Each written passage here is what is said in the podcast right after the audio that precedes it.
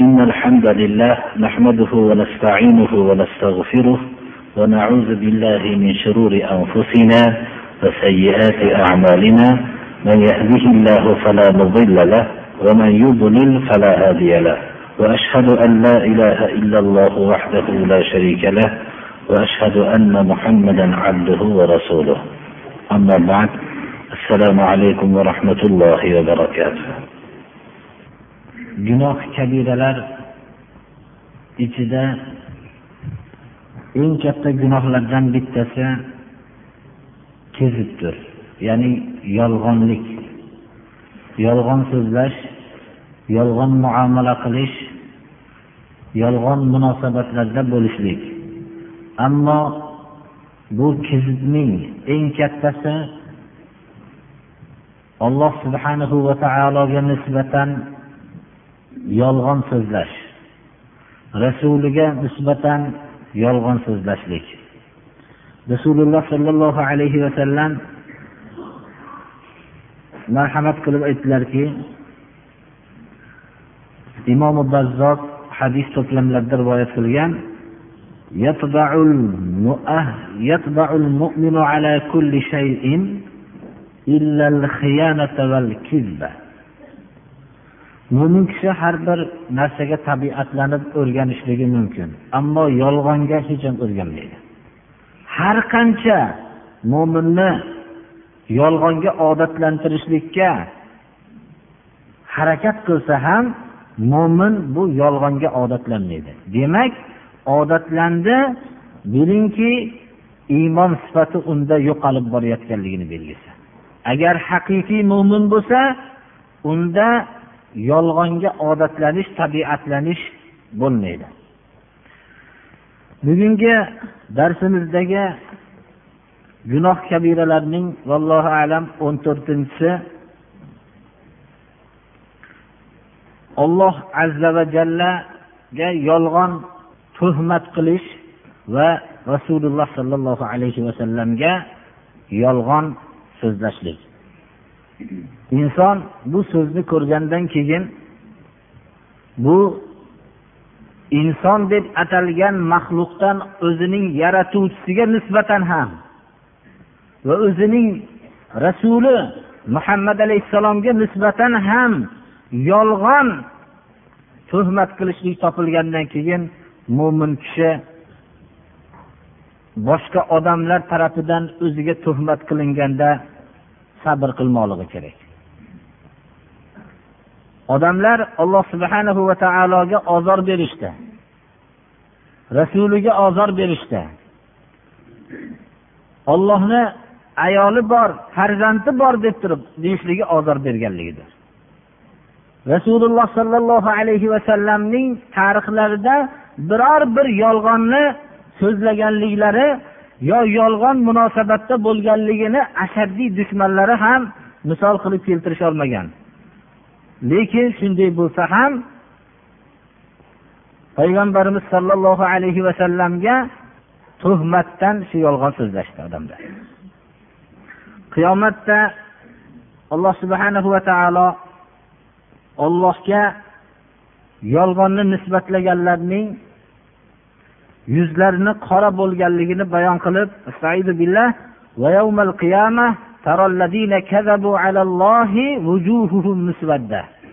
allohga yolg'on nisbatlaganlarni ko'rasiz qiyomat kuni yuzlarini qorayganligini butun ulamolarning ittifoqi bilan kim alloh subhanahu va taologa aytmagan so'zini aytdi desa rasululloh sollallohu alayhi vasallam aytmagan so'zlarni aytdi desa qasddan bilib turib shunday qilgan bo'lsa iymondan chiqadi.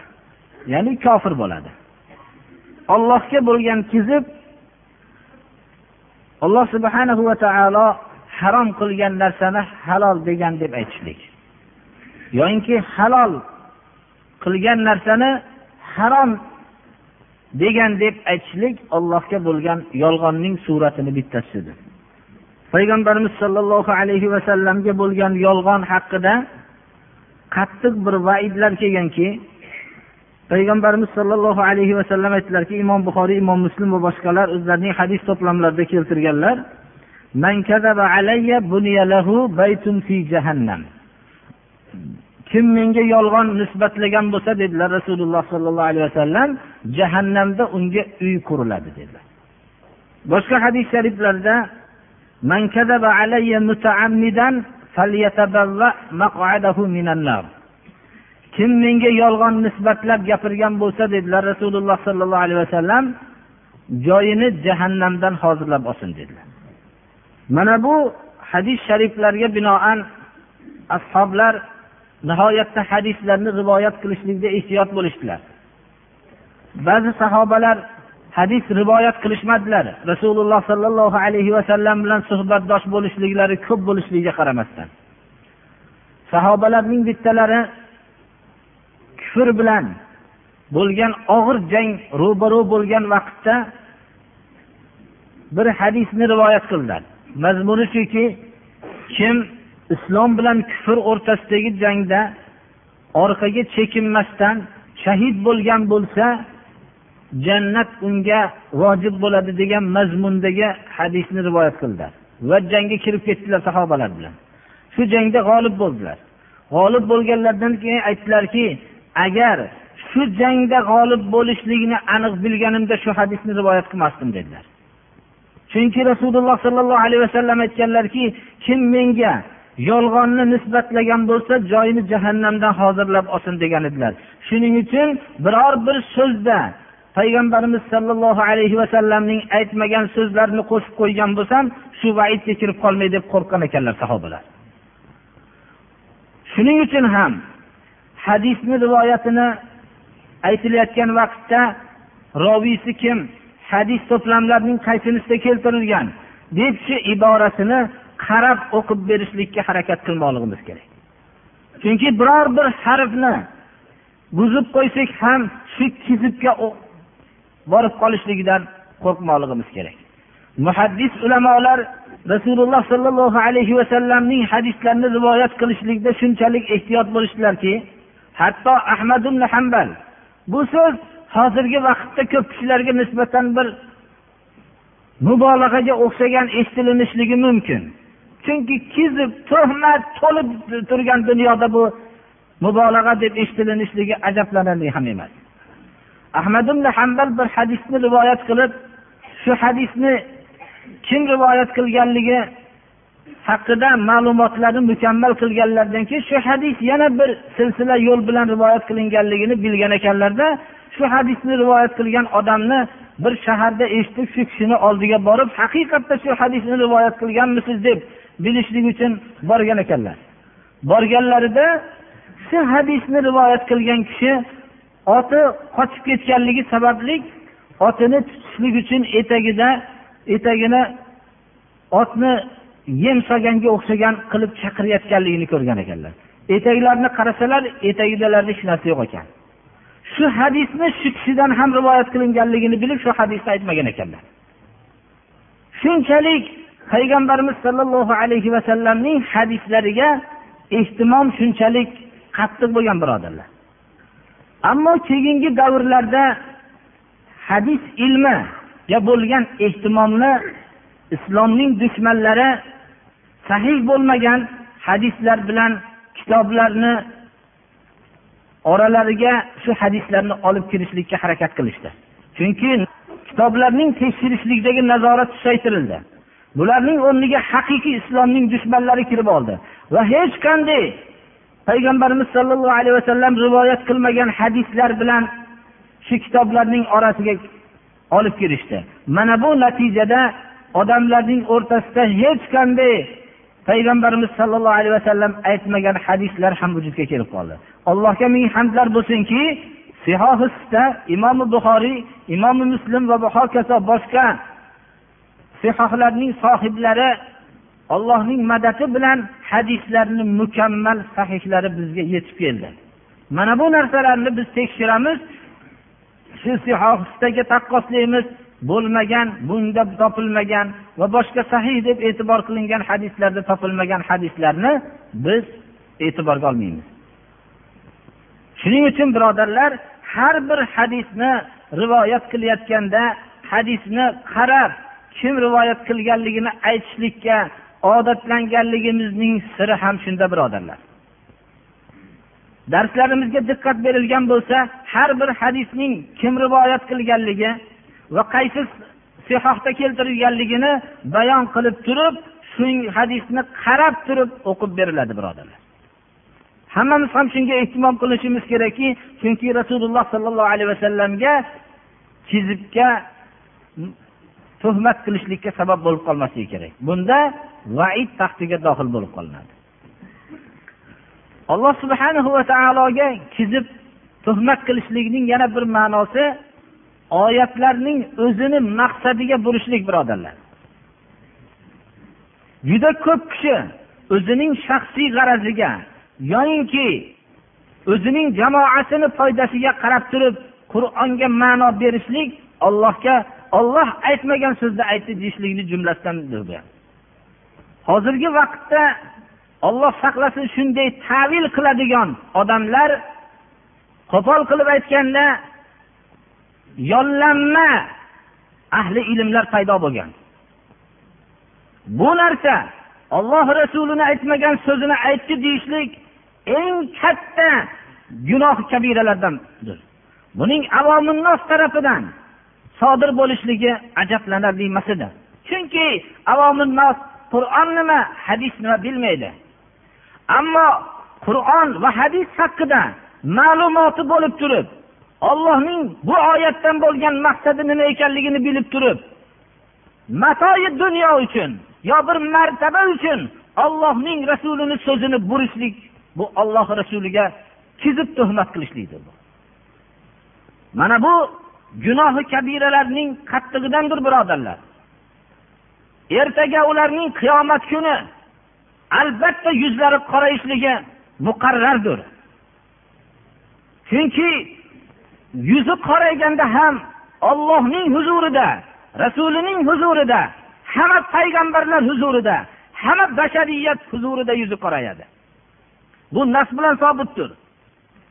Shuning uchun biz mana bu gunohi kabiradan ehtiyot bo'lmoqligimiz kerak.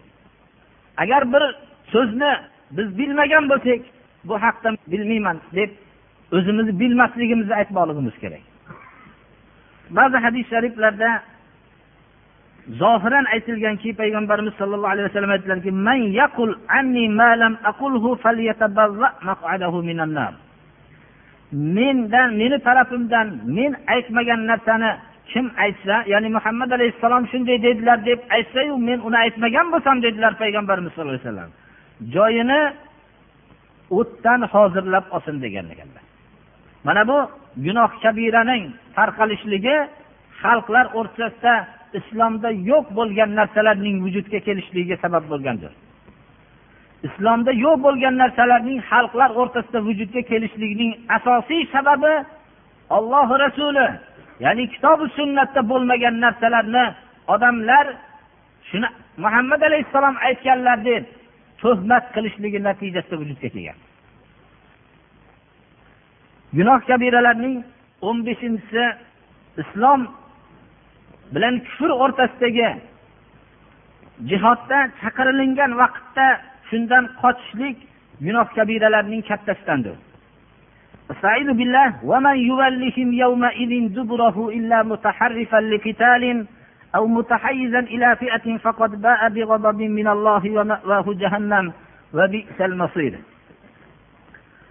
alloh subhanahu va taolo qur'oni karimda shu oyatni bir ajib suratda tasvirlab beryapti ashobi ikromlar islom jihodiga e'lon qilingan vaqtda ularning maxsus bir devonlari bo'lmagan Ular shunday alloh subhanahu va taoloning chaqiruviga labbay deb chiqishib ketganlar. Hamvola roziyallohu anhu g'asilul malaika deb laqablanadi maloikalar yuvgan kishi hisoblanadi. Turmush qilgan kunlari rasululloh sollallohu alayhi vasallamning jihodga jarchilari ovoz qilgan vaqtda tahir bo'ladi agar g'usul qilsam deb g'usul qilmasdan chiqib ketganlar. Va hanzala roziyallohu anhuni topisholmay qolganlar. Shunda payg'ambarimiz sollallohu alayhi vasallamga jibrilul amin vahiy olib keldilarki hanzala bu yerda yotibdi dedilar. Borib sahobalarning ba'zilarini jo'natdilar olib kelishlikka. Olib kelganlarida yuzlari hamma yo'llari suv edi shunda oilalardan so'ralganda ollohning garchisini chaqiruvi tahir bo'lmasin deb g'usul vojib bo'lgan holatda chiqib ketgandilar deydi mana maloikalar g'usul qildirib qo'yganligi uchun qiyomatgacha g'asilul malaika maloikalar yuvgan zot degan laqab bilan qolganlar. Mana bu oyatda alloh subhana va taolo chekinishlikni qattiq bir qoralayapti. Men shu oyatni shunday o'zini aytib beraman. Kim mushrik kofirlarga islom bilan kufr o'rtasidagi jihodda duburahu o'zining orqa tarafini burgan bo'lsa boshqa bir musulmon jamoaga qo'shilishlik maqsadi bo'lsa u mustasno. Ammo islom bilan kufr o'rtasidagi nimada chekingan bo'lsa islom bilan kufr o'rtasidagi jihodda chekingan kishini alloh taolo bir ajib bir oyatda tafsir qilib bayon qilyaptiki kim bu kunda kofirlarga dubrohu ya'ni bu agarchi sarih oyatni aytishlik kerak kim dumbasini bursa deb aytilyapti. Bir ajib bir xunuk suratda ya'ni chekinishlikni orqasini bursa ularga deyapti. Mana bu nihoyat darajada sharmandalik bir holatni ko'rsatyapti. Olloh tarafidan bo'lgan g'azab bilan qaytadi. Uyga quruq qaytmaydi. Ollohni g'azabi bilan qaytadi. Jahannam. Uning joyi jahannam bo'ladi. Qanday yomon joy bu jahannam? Rasululloh sollallohu alayhi vasallam yettita halok qiluvchi narsalardan chetlaninglar. Deb yetti narsani so'rashganlarda bittasi allohga shirk keltirishlik bo'lsa ikkinchisi sehr bo'lsa uchinchisi nohaq odam o'ldirishlik bo'lsa to'rtinchi sho'rlikdan hosil bo'lgan pulni yeyishlik bo'lsa yetimni molini yeyishlik bo'lsa oltinchisi zahd ya'ni islom jihodi e'lon qilingan kunda chekinib qochishlik deydi. Ya'ni bosh tortishlik. Va yettinchisi pokiza ayollarning sha'niga tuhmat qilishlikdir mana bu yettita halok qiluvchi gunohlarning bittasi deb sanadilar islom avvalida alloh subhanahu va taolo agar sizlarni ichinglarda yigirma kishi bo'lsa sobir kishilar ikki yuz kishiga g'olib bo'ladi deb o'n barobar kishidan chekingan odamning olloh g'azab bilan qaytadigan kishi deb e'tibor qilindi. Chunki iymon avvalgi sahobalarni nihoyatda mustahkam edi. Keyingi vaqtda endilikda alloh taolo sizlardan yengillatdi. Sizlarda zaiflik borligini bildi. Yuz kishi bo'lsa ikki yuz kishidan chekinmaydi ya'ni bu ikki barobar odamdan chekinmaslik shart bo'ldi. Agar ming kishi bo'lsa ikki ming kishidan g'olib bo'ladi. Ollohni izni bilan. Olloh sobirlar bilan degan oyat nozil bo'ldi. Demak mana bu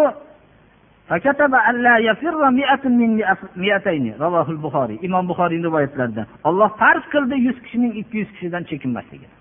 Mana bu narsa chunki iymon ollohni huzuriga borish o'lgandan keyin jannat tarafiga yo'nalish bu iymonli kishining qalbida muqarrar bir haqiqat bo'lmoqligi kerak. Oxirat jahannam va jannat.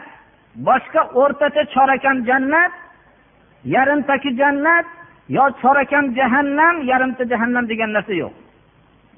Yo jannat yo jahannam. Haqiqiy mo'minlar jannatga iymondan mahrum bo'lganlar jahannamga. To'g'ri jannatdagi darajotlarning bir biridan oliyligi muqarrar. Mana bu narsa ashobi ikromlarning oldilaridagi birlamchi haqiqat bo'lgan. Shuning uchun bir kofir sahobalardan bittasini jangda shamshir bilan urdi. Urgan vaqtida fuztu erishdiman maqsadga kabaning rabbiga qasam dedi. Ya'ni rob taologa qasamki maqsadga erishdim dedi. Bu kofir hayron bo'ldi. Bu nimaga bir keyin so'radiki bu nima maqsadga erishdi desa jannatga erishdi dedi. Bu narsa uning islomiga sabab bo'ldi. O'n oltinchi gunoh kabira peshvoning xalqqa sof bo'lmasligidir.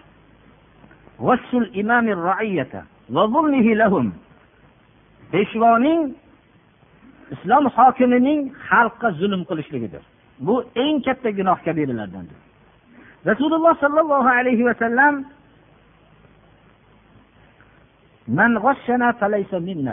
kim bizga sof munosabatda bo'lmasa bizdan emas dedilar. Payg'ambarimiz sollallohu alayhi vasallam aytdilarki zulm qiyomat kunidagi qorong'iliklar dedilar. Zulumot ya'ni ko'p qorong'iliklar.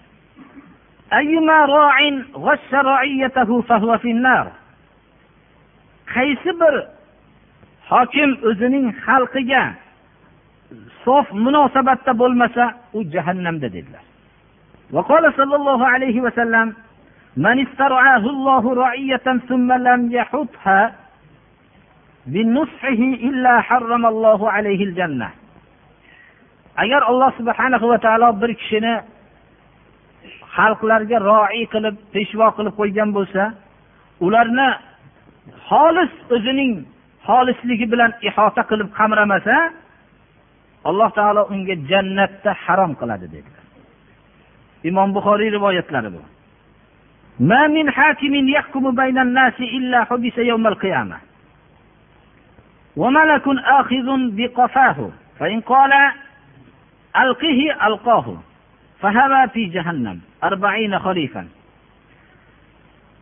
odamlar o'rtasida hukm qiladigan hokim qiyomat kuni mahbus qilib to'xtatib qo'yilinadi. Bir farishta uning yelkasidan bo'ynidan ushlab turadi. Agar alloh subhana va taolo uloqtir desa jahannamga uloqtiradi.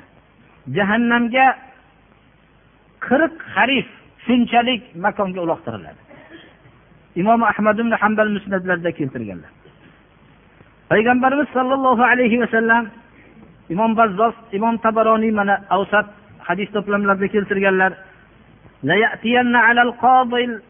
عدل يوم القيامة ساعة يتمنى أنه لم يقبض بين اثنين في تمرة قط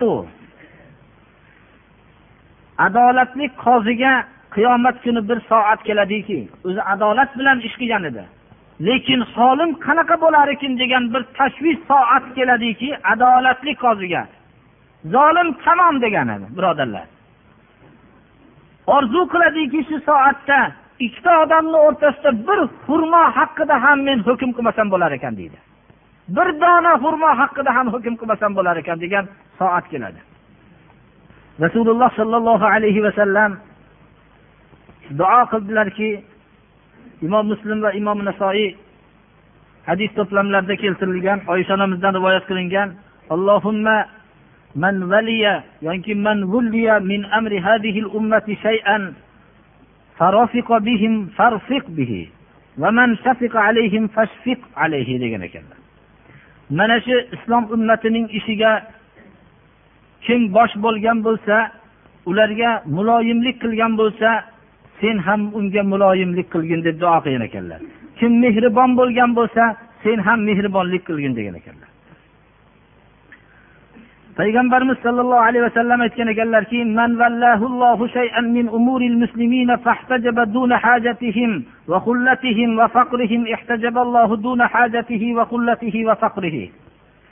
Alloh subhanahu va taolo musulmonlar ishiga bir kishini voliy qilgan bo'lsa ularning hojatlari ehtiyojatlari muhtojliklari oldida o'zini ularga ko'rinmasdan bekinib olgan bo'lsa alloh taolo uning hojatini muhtojligi oldida olloh ham unga ko'rinmaydi. Shuning uchun ham rasululloh sollallohu alayhi vasallam tarbiya qilgan qozilar u kishining huzurlarida bo'lgan sahobalar keyingi vaqtda xalifa amir qilingan vaqtlarda nihoyat darajada qattiq adolatda bo'lishdilar. Abu zar g'iforiy roziyallohu anhu payg'ambarimiz sollallohu alayhi vasallam biror bir viloyatga voliy bo'lishligini talab qilganlarida aytgan ekanlarki ey abu zar siz zaifsiz. Bu viloyatga voliy bo'lishlik bu omonat yaqin kunda bu narsalar nadomat bo'ladi degan ekanlar. Shuning uchun ham payg'ambarimiz sollallohu alayhi vasallamning ashoblari voliy bo'lishlikdan o'zlarini chetga olishardilar. Bu narsa mas'uliyat edi islomdagi voliylik nihoyat darajada qattiq bir mas'uliyatdir. Voliy odam birodarlar tiriklik qilmaydi o'ziga xos bir kasb qilishlikdan mahrum bo'ladi. Chunki u kasb qilishlik bilan ummatning ishi barpo bo'lmaydi birodarlar. Butun umrini ummatni ishiga bag'ishlashlik kerak. Uning maoshi o'rtacha yashayotgan odamning maoshidan ortiq bo'lmaydi. Shu o'rtacha yashayotgan odamning maoshidaqa maosh oladi. Va uning har bir qilayotgan uydagi hayoti ma'lum bo'lib turadi.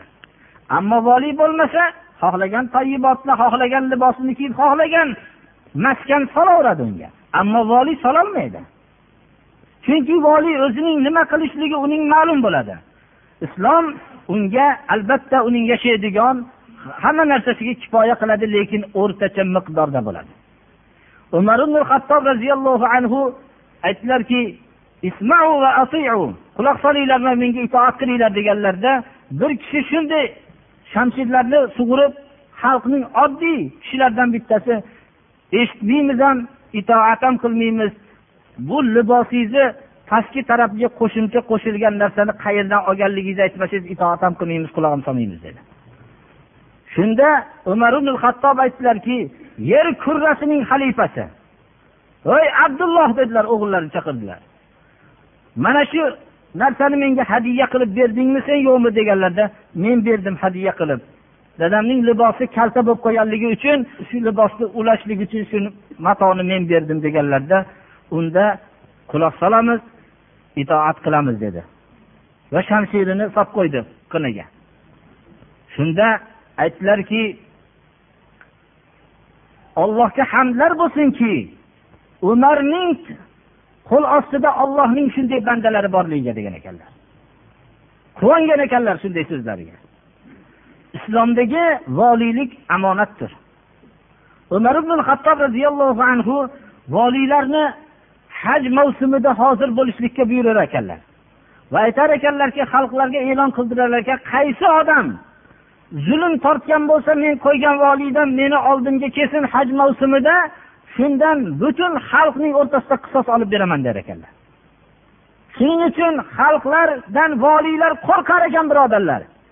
Biror bir zulm qilib qo'ysam butun xalqlarning o'rtasida ular mendan qisos oladi deb nihoyat darajada umar ibn hattob bir hassos bo'lib tarbiya qilganlar. Bir yilda bir voliylarni hammasini chaqirar ekanlar.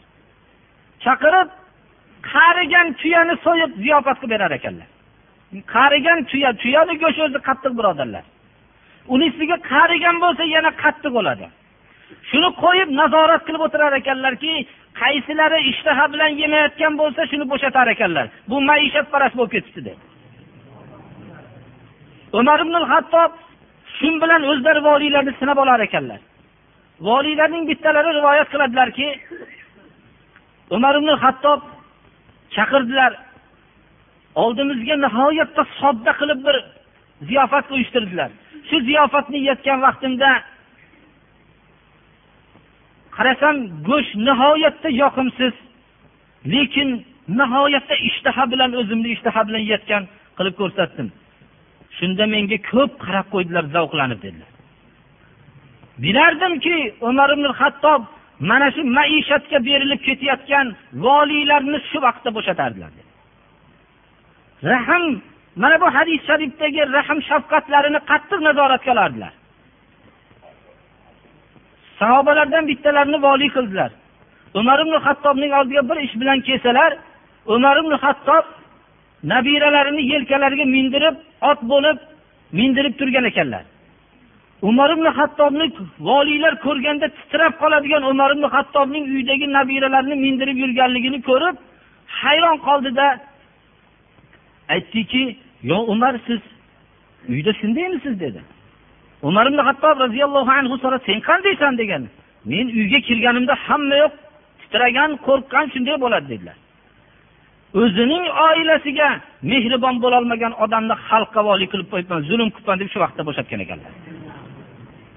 Mana bu islomdagi har bir narsani biz tekshirib ko'rsak biz boshqalardan o'rnak olishligimizga hech qanday bizga yo'l yo'q birodarlar. Hamma narsa muqarrar bo'lgan. Masalan biz aytsakki hozir birinchi marta tug'ilgan bolalarga tug'ilgan kunidan boshlab maosh ajratgan umar ibn hattob ya'ni islom tarbiyasi islom ruhi ostida shu kishi qilgan desa odamlar ajablansa kerak. Chunki bolalarga pul berishlik faqat yigirmanchi asrda vujudga kelgan ediyu deb o'ylansa kerak. Umar ibn hattob davridan ilgari ham bolalarga maosh ajratilgan. Lekin islomdagi mushtahid sahobalar emib turgan vaqtida unga maosh ajratishlikka hojati yo'q deb bilishganlar. Maosh ajratishlikni hojati yo'q chunki u ovqat yemaydi sut bilan foydalanadi deganlarda to ovqatga kirgandan keyin ya'ni sutdan chiqqandan keyin maosh ajratganlar. U kishi kechqurunda o'zlarini tanitmasdan yurar ekanlar. Xalqlar borsa ham qabul qilmaslik emas xalqlarning oldiga borar ekanlar.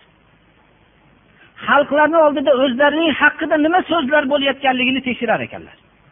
Shunda shaharning tashqarisida bir kapa tikilib qolganligini ko'rdilarda kapaning ichida bir chekkada abdulloh ibn abbos vallohu alam bitta sahobalardan bittalari bilan shu namoz o'qishga mashg'ul bo'ldilar tashqarida. Shunda shu kapaning ichida yig'i paydo bo'ldi. Yig'i to'xtamadi. Shunda umar ibn hattob namozdan forig' bo'lganlaridan keyin aytdilarki yaxshi ayolga o'xshaysan sen bu bolangni yupatsang bo'lmaydimi? dedilar. Avvalda ho'p dedilar yana yupanmadi yana shuni takrorladilar. Shunda aytdilarki bolamni sutdan chiqaryapman shuning uchun yupanmayapti dedilar. Hammamizga ma'lumki bola sutdan chiqayotganda qiynaladi.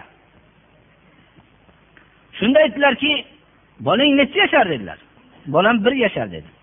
Ha bir yashar bo'lsa bolaning o'ttiz oylik haqqi bor ya'ni ikki yarim yillik haqqi bor. Sen nima uchun barvaqt buni chiqaryapsan deganlarda umar ibn hattobni tanimaydilar. Chunki umar sutdan chiqqan bolalargagina maosh beryapti shuning uchun tezroq sutdan chiqaryapman dedi. Umar ibn hattob shu yerda bolalarga zulm qilib qo'yganligini o'zlari his qildilarda e'lon qildilarki hamma voliylarga ya'ni ba'zi onalar maosh olishga ishqiboz bo'lib turib hatto bolasini ham sutdan erta chiqarishligini bildilarda butun viloyatga e'lon qildilarki o'zlarining qo'l ostilaridagi bolalarni xohlagan vaqtda sutdan chiqarishsin tug'ilgan kunidan boshlab maosh olinadi dedilar. Mana bu islom voliylarining bittalarini biz misol keltiryapmiz birodarlar. Hammalarining aytsangiz har xil gullarga o'xshaydiki ularning bo'yi bir biridan boshqacha. Bu narsa hammasi islom tarbiyasining ostidadir birodarlar. Xalqlar ustida bo'lgan peshvoning xalqqa zulm qilishligi gunoh kabiralardandir. Rasululloh sollallohu alayhi vasallam agar bizni ichimizda islomni davo qilgan odam o'zining fuqarolariga g'ashlik qilib soflik qilmasa dedilar sof munosabatda bo'lmasa bizdan emas dedilar. Payg'ambarimiz sollallohu alayhi vasallam ogohlantirdilarki imom muslim va boshqalarning hadis to'plamlarida keltirilgan abu hurayra rivoyat qiladilar. Uch toifa borki olloh qiyomat kuni gapirmaydi ularga. Kazzob voliyni ham shu uchta toifaning bittasidan dedilar. Va'da qiladi maqsadi yolg'on gapirish. Aldash. Mana bu narsa kazzob voliylar alloh subhanahu va taolo ularga gapirmaydi qaramaydi xorlaydi. Chunki ular xalqning dardiga quloq solmagan. Payg'ambarimiz sollallohu alayhi vasallam ogohlantirdilar. Lekin sahobalar ajablanishgan edi bunga.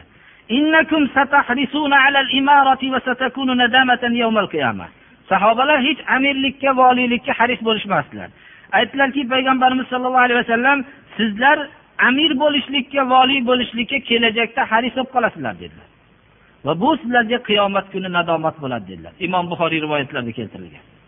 Ya'ni ular haris bo'lishgan emaslar yaqinda haris bo'lasizlar dedilar. Kabubni ujara roziyallohu anhuga payg'ambarimiz sollallohu alayhi vasallam aytdilarki ahmad ibn hambal va boshqalar o'zlarining hadis to'plamlarida keltirganlar yo kaba ibn ujara dedilar nodon amirlardan olloh sizni saqlasin dedilar. Umarou yakununa min ba'di la yahtaduna bihadi va la yastannuna bisunnati kim u nodon umarolar deganlarda mendan keyin bo'ladigan amirlarki ular mening yo'lim bilan yo'llanishmaydi. Mening sunnatimniga amal qilishmaydi. Mana bular nodon amirlar dedilar. Amirlikning qattiq gunohlarga sabab bo'lishligi qatorida payg'ambarimiz sollallohu alayhi vasallam adolatlik amirlarga bashorat ham berdilarki yettita arshning soyasida turadigan yetti toifaning birinchisi adolatli imom ya'ni peshvo dedilar. Adolat bilan yashagan peshvolar ollohning soyasida bo'ladi deb bashorat ham berdilar. o'n yettinchi gunoh kabiralardan kibrdir birodarlar. Kibr alloh subhanahu va taoloning o'ziga xosdir. Dunyoda birov o'zini mutakabbirman deb aytmaydi. Demak odamlarning o'zini so'ziga qarab mutakabbir ajratiladigan bo'lsa yer yuzida bironta mutakabbir bo'lmaydi. Shuning uchun odamlarning so'zi bilan o'lchanmasligi kerak. Bu o'lchov rasululloh sollallohu alayhi vasallamning o'lchovlari bilan bo'lishligi kerak. U kishi havodan gapirmaydilar. Kibr alloh subhanahu va taoloning o'ziga xos bo'lgan sifatdir. Bu kibr sababli shayton jannatdan chiqqandan keyin inson bu kibr bilan jannatga kirmaydi. Kimning qalbida dedilar rasululloh sollallohu alayhi vasallam misqoli zarra kibr bo'ladigan bo'lsa jannatga kirmaydi dedilar. Zarra bu nihoyatda ko'zga ko'rinmaydigan narsadir. Zarra hozirgi zamonning olimlarining fikrida million donasini bir olib kelinganda bir santi o'rinda egallaydi deyishadilar. Shunchalik mayda kibr qalbida bo'lgan odam jannatga kirmaydi dedilar rasululloh sollallohu alayhi vasallam. Savol bo'ladiki kibr nima? Ashoblar ham so'rashdilar. Sahobalardan bittalari kibrdan ogohlantirganlarida turdilarga yo rasululloh sollallohu alayhi vasallam men libosni shunday kiyishni xohlaymanki meni libosimdan boshqa odamning libosi o'tib ketmasligini xohlayman dedilar. Hammadan yaxshi kiyinib pokiza kiyinishni xohlayman. Shu kibrmi dedilar. Deganlarda al kibru batarul haqqi va nas dedilar. Kibr haqni inkor qilish dedilar. Haq so'z kelganda olloh rasuli tarafidan bo'lgan so'z haq so'zdir. Shu haq so'z kelganda qabul qilmaslik kibr dedilar. Va odamlarning ixtiyoridan yo'q bo'lgan sifatlar bilan kamsitishlik dedilar. Bir odam bo'yi uzunroq novcha deb kamsitish. Bir odamning bo'yi pastayroq buni pastak deb kamsitishlik buni ixtiyorida yo'q. Bir odamning shakllari har xil bu narsa o'zini ixtiyori bilan qilib olgan emas. Agar o'zini ixtiyorida bo'lganda hamma o'zining eng go'zal suratda qilib olgan bo'lardi. O'zining ixtiyorida yo'q bo'lgan sifat bilan kamsitishlik bu kibr dedilar. Ikkalasini qo'shilganda haqiqiy mutakabbir bo'ladi. Shuning uchun haq so'z kelgan vaqtda darrov qabul qilishlikni o'rganmoqligimiz kerak. Hozirgi vaqtda shunaqa mutakabbirlar ko'payib ketgan birodarlar. Haq so'zni aytganda qabul qilmaydi. Lekin haq so'z takror aytamiz bu meni yo sizni so'zingiz emas. Olloh rasulining so'zi. Olloh rasuli tarafidan kelgan haq so'z bo'lganda qabul qilmaslik kibrdir bu. Payg'ambarimiz sollallohu alayhi vasallamdan rivoyat qilingan hadis sharifda imom buxoriyning jomi sahihlarida keltirilgan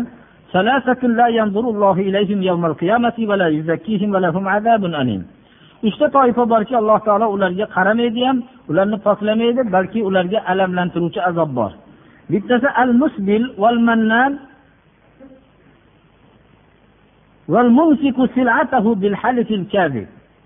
birinchisi musbil. Musbil kim?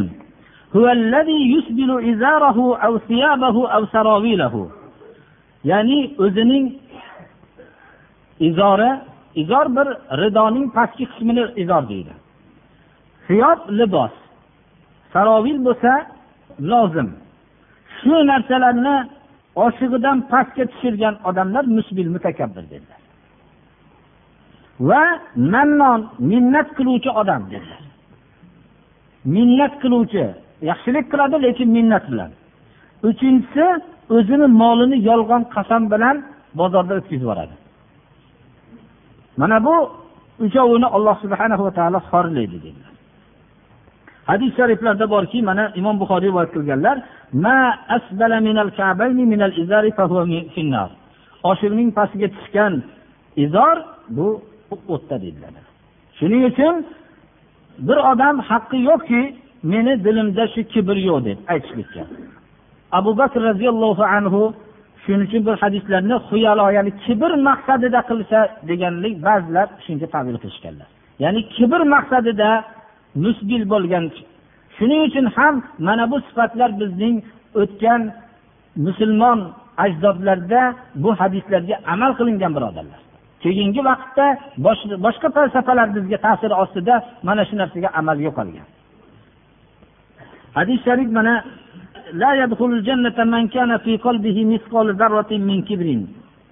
qalbida misqol zarra zarra og'irligicha kibri bo'lgan odam jannatga kirmaydi. Chunki bu kibr alloh subhana va taoloning o'ziga xos bo'lgan sifatdir.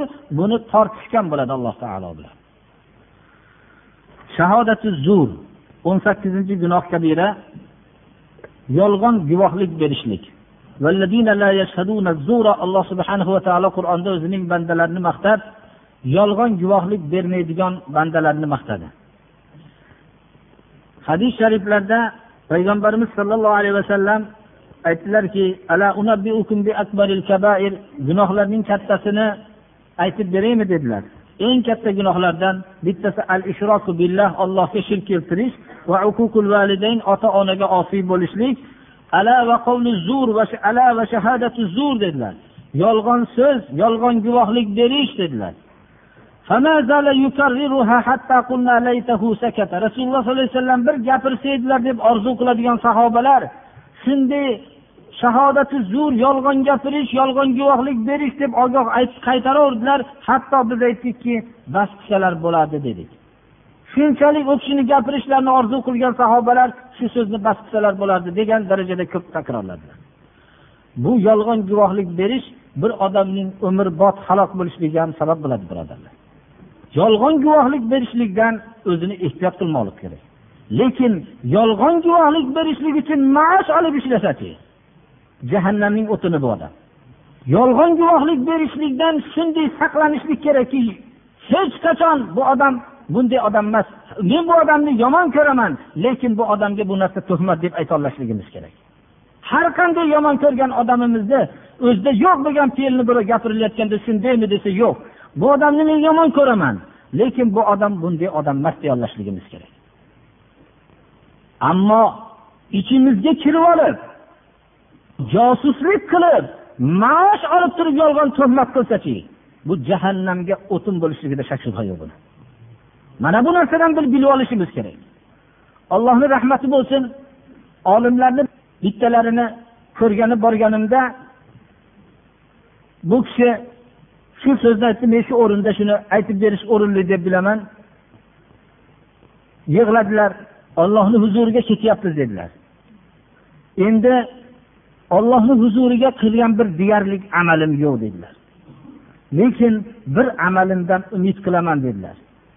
U amalim shuki qiyin davrlarda bir kishi bizni bodring sayliga aytdi deydilar shu bodring sayliga aytgan vaqtda uch kishi bordik. Borib shu yerda bu bodring sayli bizni sha'nimizda bir bittalarimizni tuhmat qilishlik uchun uyushtirilgan ish ekan deydilar. Shu yerda o'tirdikda ozgina o'tirib bu dehqon xolis odam edi. U hech narsani bilmaydigan ekan. Lekin ikkimizda bittasi bizga ayg'oqchi qilib qo'yilgan ekan. Shuni olib o'tirganimizda bir qandaydir bir tayyora u vaqtlarda kichkina bir tayyora o'tib qoldi deydilar dori sepishlik uchun va hokazo. Shunda gapirayotgan gapimiz shovqinda eshitilmay qolib to'xtab turaylik mana shovqini o'tib ketsin degan so'zni sherigimiz bittasi aytdi. Shundan keyin gapini davom ettirdi. Shu xolos shu gap bo'ldi. Shundan keyin meni ham uni ham chaqirib shuni savol qildiki shu odamni hozirgi mana rivojlanish taraqqiyotiga qarshi bo'lgan odam deb yozib berasiz dedi. Yo'q bu odam bir gapiryotgandi gapirayotganda ovozi eshitilmay qoldi. Eshitilmay qolganligi uchun bu narsa o'tib ketsin keyin gapiray deb shu shu sabab bo'ldi. Xolos bu hech bu kishi bunday taraqqiyotga qarshi odam emas. Bu odam fikri o'tkir odam bu odam olim odam. Deb shunday dedi bo'lmasam siz mahbus bo'lasiz dedi. Lekin men mahbus bo'lsam bo'lamanki bu so'zni aytmayman bu odam bunday degani yo'q dedi. Men o'n yilga mahbus bo'ldim shu bosh tortganligim uchun. To'qqiz yilda keldim. Ollohni huzurida shu odamga yolg'on guvohlik berishlikdan qo'rqib o'n yilga rozi bo'ldim. Lekin o'lim u vaqtda muqarrar edi mahbus bo'lib ketgan odamlarga. Men hamma bilan xayrlashib ketgan edim. Keldim yashadim. Mana shu amalim bilan olloh meni kechirsa ajabmas dedilar. Boshqa bir deyarli olloh uchun qilgan amalim yo'q deb yig'ladilar. Allohga hamdar bo'lsinki shu vaqtda yolg'on guvohlik berishlikdan olloh meni saqlagan ekan. Rasululloh sollallohu alayhi vasallamning yolg'on guvohlik berish yolg'on guvohlik berish yolg'on guvohlik berish deb takrorlaganlarni siri ham shuki bir marta yolg'on guvohlik berishlik bilan bir odam halok bo'lib ketaveradi birodarlar. Ammo ozgina dunyo jahannamga o'tin bo'ladi bu odam. Shuni aytganliklari hech esimdan chiqmaydi. Hayotimdagi hech bir o'ylasam bir ishonchli ollohni huzurida bir amalim yo'q. Magar shu amalimni olloh qabul qilar shunda butun qiynalganimga ming ming rozimanki ollohni huzuriga mana shu amalimdan boshqa amalimni deyarli bir amal deyolmayapman degan ekanlar.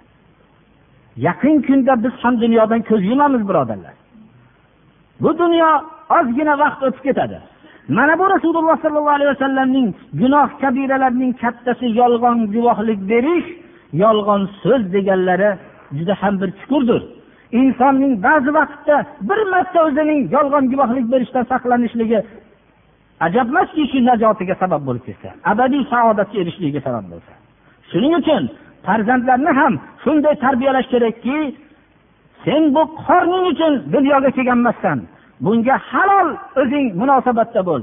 Hech bo'lmasa sen birovga savobli ish qilolmasang birovga zarar yetkazadigan ishdan o'zingni saqlagin saqlangin deb tarbiya bermoqligimiz kerak. Mana ko'p darslarimizda takrorlaymiz. Hozir ham shu shahodati zur o'rnida. Agar bir zolim shariatda to'ng'iz go'sht harom mast qiluvchi ichimlik harom shuni ichasan shuni yeysan agar bo'lmasa seni halok qilaman desa halok qilaman desa agar biz shu narsani majbur bo'lsak bizni halok qiladigan ishga qodir ham bo'lsa biz shuni ichamiz va yeymiz hayotni saqlab qolishlik uchun. Chunki bu olloh bilan bandani o'rtasidagi gunoh.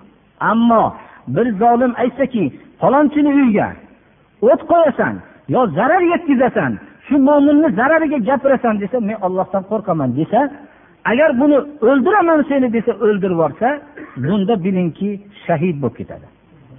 Ammo haligi to'ng'iz go'shti bilan mast qiluvchi ichimlikni o'ldiraman desa haqiqatda o'ldirishga qodir bo'lsa uni ichmasdan yemasdan o'lsa gunohkor bo'ladi.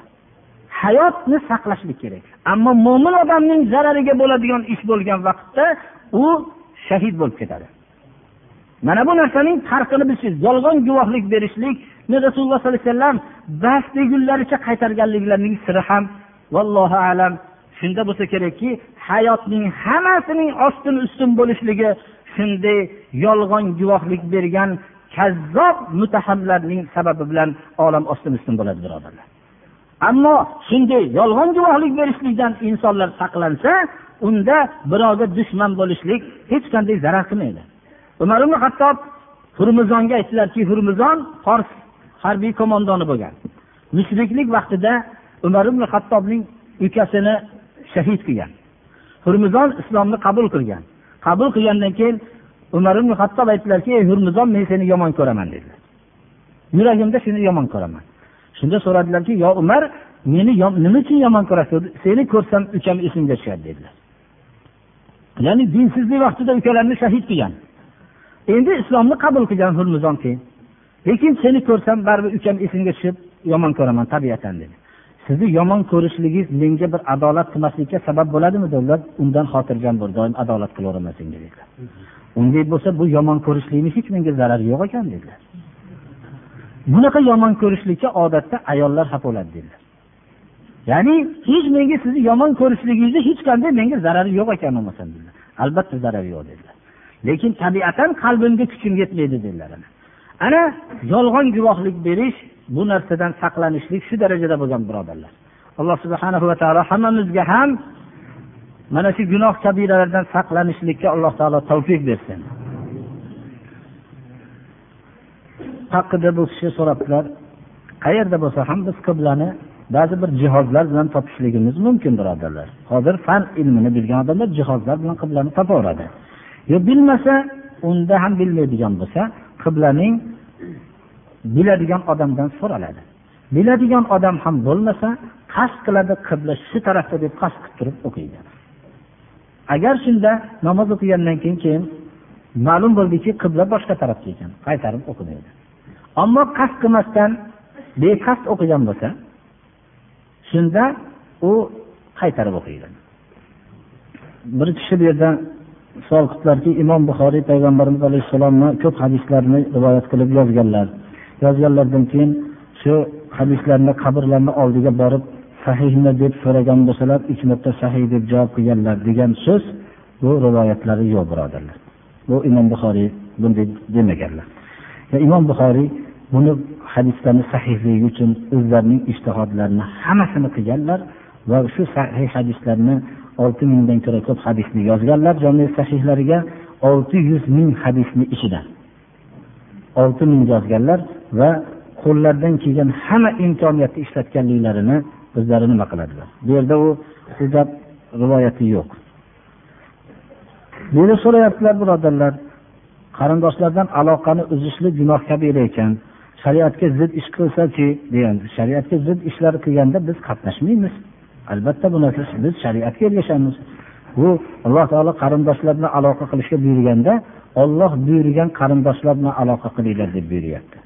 Ya'ni nega shariatga muvofiq bo'lishligini. Hatto gapirib o'tganmizki mabodo bir kasalni ko'rishlik mo'min odamni mo'min odamni haqqi. Borsa g'iybat bo'ladigan bo'lsa shu yerga bormasin deydilar. Shunga o'xshagan bu shariatga zid ishlar bo'lgan joyga bormaymiz jannat onalarning oyog'i ostidadir degan hadis sahih. Sahihmi deb so'rabdilar sahih hadis. Xayr buni qattiq so'rashibdilar aytib ham qo'yaveramiz mayli. Ya'ni bu yerda ma'no shuki ko'p kishilar ayollar tomonidan ba'zi savollar ham bo'lyapti ekanki hozirgi vaqtda farzand bo'lishligida oldini olishlikga bo'lgan harakat durustmi durust emasmi deb so'rabdilar.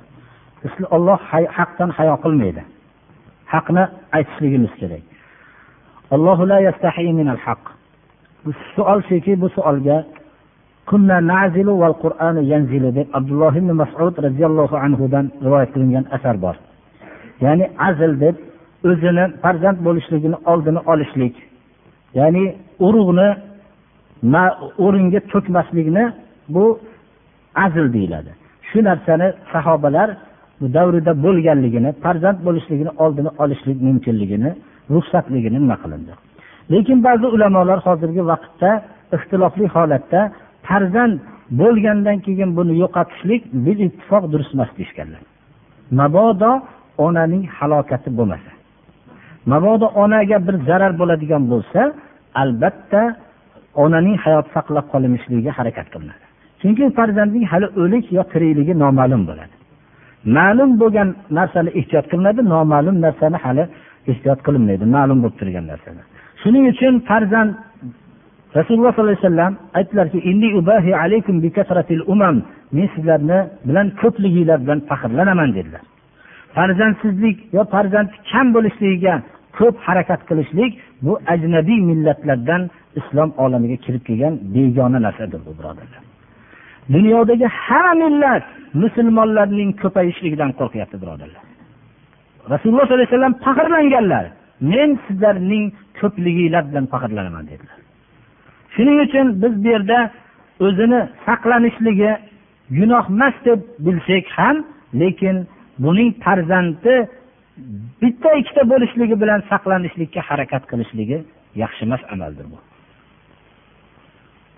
اللهم صل على سيدنا محمد وعلى اله وصحبه وسلم اللهم انا نسالك العفو والعافيه في الدين والدنيا والاخره اللهم وفقنا لما فيه رضاك وجنبنا مما فيه سخطك. ربنا لا تجعلنا فتنة للقوم الظالمين ونجنا برحمتك من القوم الكافرين. اللهم اقسم لنا من خشيتك ما تحول به بيننا وبين معاصيك. ومن طاعتك ما تبلغنا به جنتك. ومن اليقين ما تهون به مصائب الدنيا. ومتعنا بأسماعنا وأبصارنا وقوتنا ما أحييتنا. واجعله الوارث منا. واجعل ثأرنا على من ظلمنا. ولا تجعل الدنيا أكبر همنا ولا مبلغ علمنا ولا تجعل مصيبتنا في ديننا ولا تسلط علينا من لا يرحمنا. وصلى الله تعالى على خير خلقه محمد وآله وأصحابه أجمعين.